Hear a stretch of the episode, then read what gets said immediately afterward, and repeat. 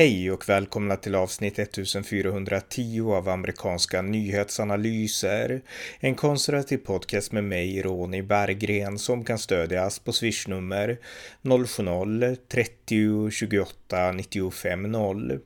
Igår den 13 oktober 2021 drabbades Norge av ett terrordåd efter att en 37-årig man med pilbåge dödat fem personer i Kongsberg väster om Oslo. Här berättar jag mer och reflekterar över dådet. Varmt välkomna! Ja, igår den 13 oktober så drabbades Norge av ett fruktansvärt terroristdåd när en 37-årig man gick omkring med pil och båge i staden Kongsberg, eh, några mil väster om Oslo och den här 37-åringen, han eh, sköt med sina pilar på människor i centrala Kongsberg. Och med sina pilar så mördade han fem personer, eh, fyra kvinnor och en man i åldern mellan 50 till 70 och skadade två eller tre andra.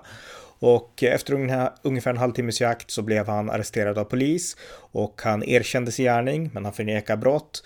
Och eh, ja, en fruktansvärd händelse i en väldigt liten stad som absolut inte är van vid sådana här saker. Eh, den här personen också ska sägas, han är en konvertit till islam, en uttalad konvertit. Eh, han är dock etnisk skandinav med påbrå. Han är dansk medborgare, men han har växt upp i, i Norge, men är etnisk skandinav så att han är inte invandrad eh, och han heter Espen Andresen Bråten och, eh, och så. Men en konvertit till islam. Han konverterade 2007 och han Eh, har haft samröre med radikala miljöer. Och det här innebär att terrorbrott kan inte uteslutas, har norsk polis gått ut med och man kommer utreda det här som ett, ja man säger att det är ett terroristbrott då, men man kommer utreda liksom hur pass ideologiskt motiverat det här var. Det, det är liksom det som återstår mot att utreda. Och man kommer också utreda om den här mannen, eh, Espen Andersen Bråten, var psykiskt sjuk eller liksom var som föranledde den här gärningen. Men han är dömd för brott sedan tidigare, han har hotat sin egen familj, han har åkt fast för narkotikabrott och liknande liknande och polisen har haft honom lite grann på sin radar. Och jag har inte läst på allt i detalj om det här och det sänds på nyheterna hela tiden så det finns säkert många som kan säga mycket mer. Men eh, det här är kort, det som hänt i alla fall. Och det intressanta som kan noteras det är reaktionerna. Eh, givetvis har det med all rätt kommit in kondolenser till de anhöriga, till de här offren och till de skadade. Och eh, det väcker ju fruktansvärda vibbar till tidigare terrordåd och inte minst då den 22 juli 2011. Eh, men det intressanta ur ett mer analytiskt perspektiv det är att eh, i norsk media tonades det ner från början. Det sades inte så mycket om att det här var en konvertit till islam. Det skrevs om det i svensk media eh, ganska snabbt eh, när det kom fram, men i norsk media så var det i princip idag, dagen efter, som, som det blev liksom en allmän nyhet. Eh, och eh, det är inte helt oväsentligt därför att när det kommer till till exempel Anders Breivik för tio år sedan, så då var man ju väldigt tydlig med att det här är en högerextremist och det här finns ett stort extremistiskt nätverk där man, man blåste upp det åt, åt det hållet och över överdrev, för det var en överdrift och det var inte sant. Det fanns inget stort nätverk bakom Anders Behring Breivik, men då hade man inget problem med att vara snabb och kasta skuld och sådana saker. Medan nu så tonade norsk media ner här lite grann och den här analysen har jag fått från dokument.no som resonerade kring den här händelsen och hur media rapporterade om det som hände igår då. Och de menade att i det här fallet så var Sverige snabbare än norsk media med att rapportera att det här var en muslimsk gärningsman. Men med det sagt, alltså motivet kan vara blandat och vi vet inte exakt vad som drev honom. Eh, men däremot vet vi att i rättegången mot Anders B. Breivik 2011, eller 12 hölls ju rättegången, då var åklagarsidan och eh, alla egentligen, till och med Breivik själv, men eh, alla andra var egentligen ensamma att vi måste döma Breivik som en ideolog, inte som en psykiskt sjuk person. Och det var precis det som skedde. Eh, så att i det här fallet så Eh, och vi vet nu att Breivik var väldigt psykiskt sjuk. Men i det här fallet så, ja, vi får se om man håller sig till samma standard och liksom konstaterar att vi måste döma den här personen för ett ideologiskt motiv och för att vara en liksom ideologisk terrorist snarare än bara psykiskt sjuk. Så att just den här dubbelstandarden, den är viktig att hålla i åtanke, åtminstone inför framtiden. Kanske inte så här liksom nära inpå då, men jag ville bara kasta ut det där så att ni har det perspektivet. För det är saker som man inte vet så mycket om här i Sverige, hur debatten om sådana här dåd har gått i Norge.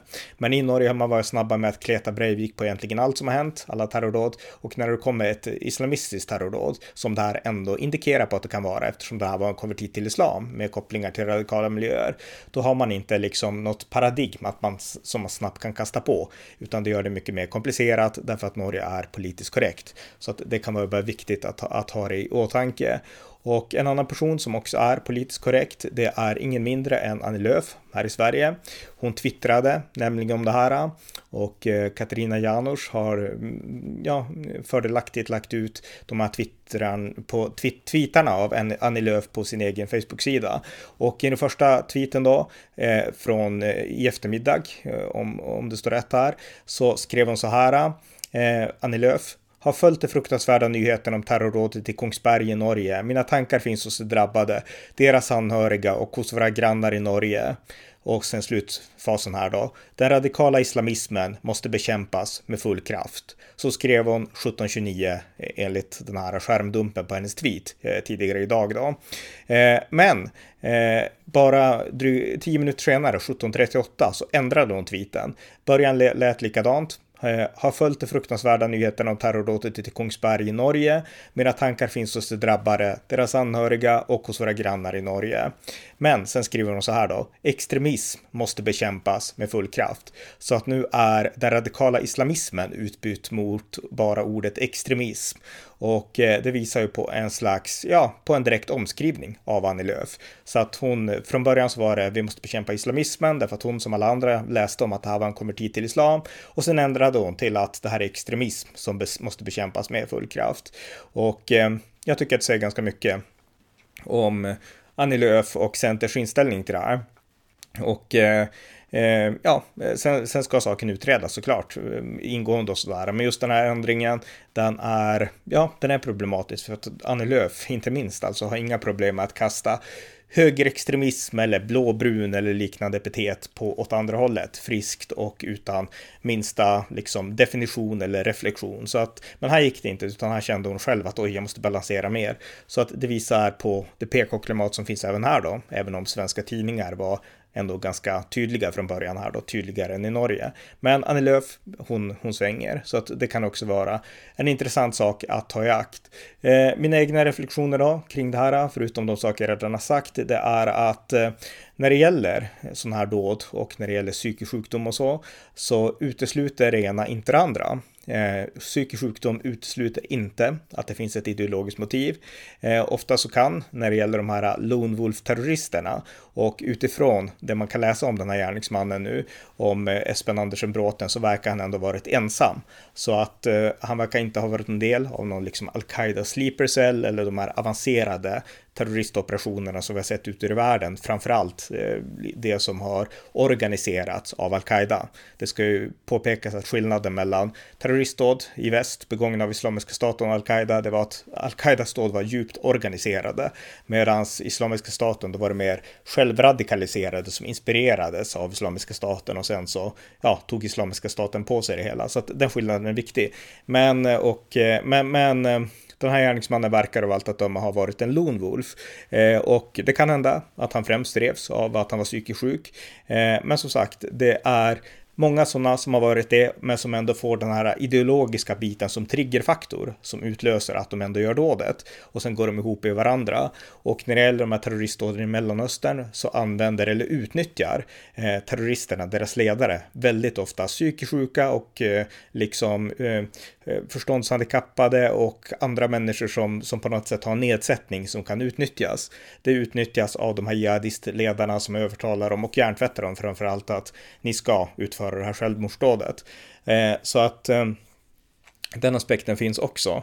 Och eh, psykisk sjukdom förhindrar alltså inte terrorism som rubricering. Så att det är det som är liksom viktigt att, att ta i akt här. Att det kan vara en kombination av båda de här sakerna.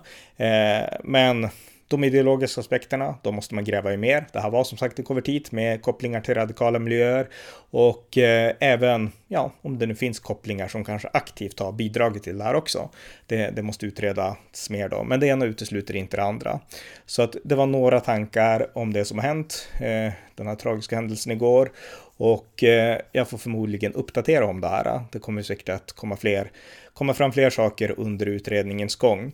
Men det viktiga är att betona här nu att eh, på ett sätt så har Annie Lööf rätt. All extremism måste såklart bekämpas. Men det är också viktigt att då inte bara kasta epitet hur som helst, som oftast gör åt högersidan.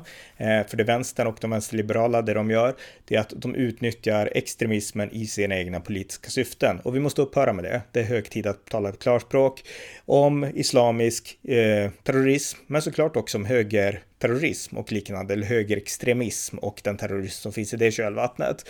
Eh, men det stora problemet för väst har under lång tid varit den islamiska terrorismen och av allt att döma så är det här ett dåd som faller åt precis det hållet och det måste vi i sådana fall våga utreda utan några som helst skygglappar. Det är det viktiga och våga prata om det utan skygglappar.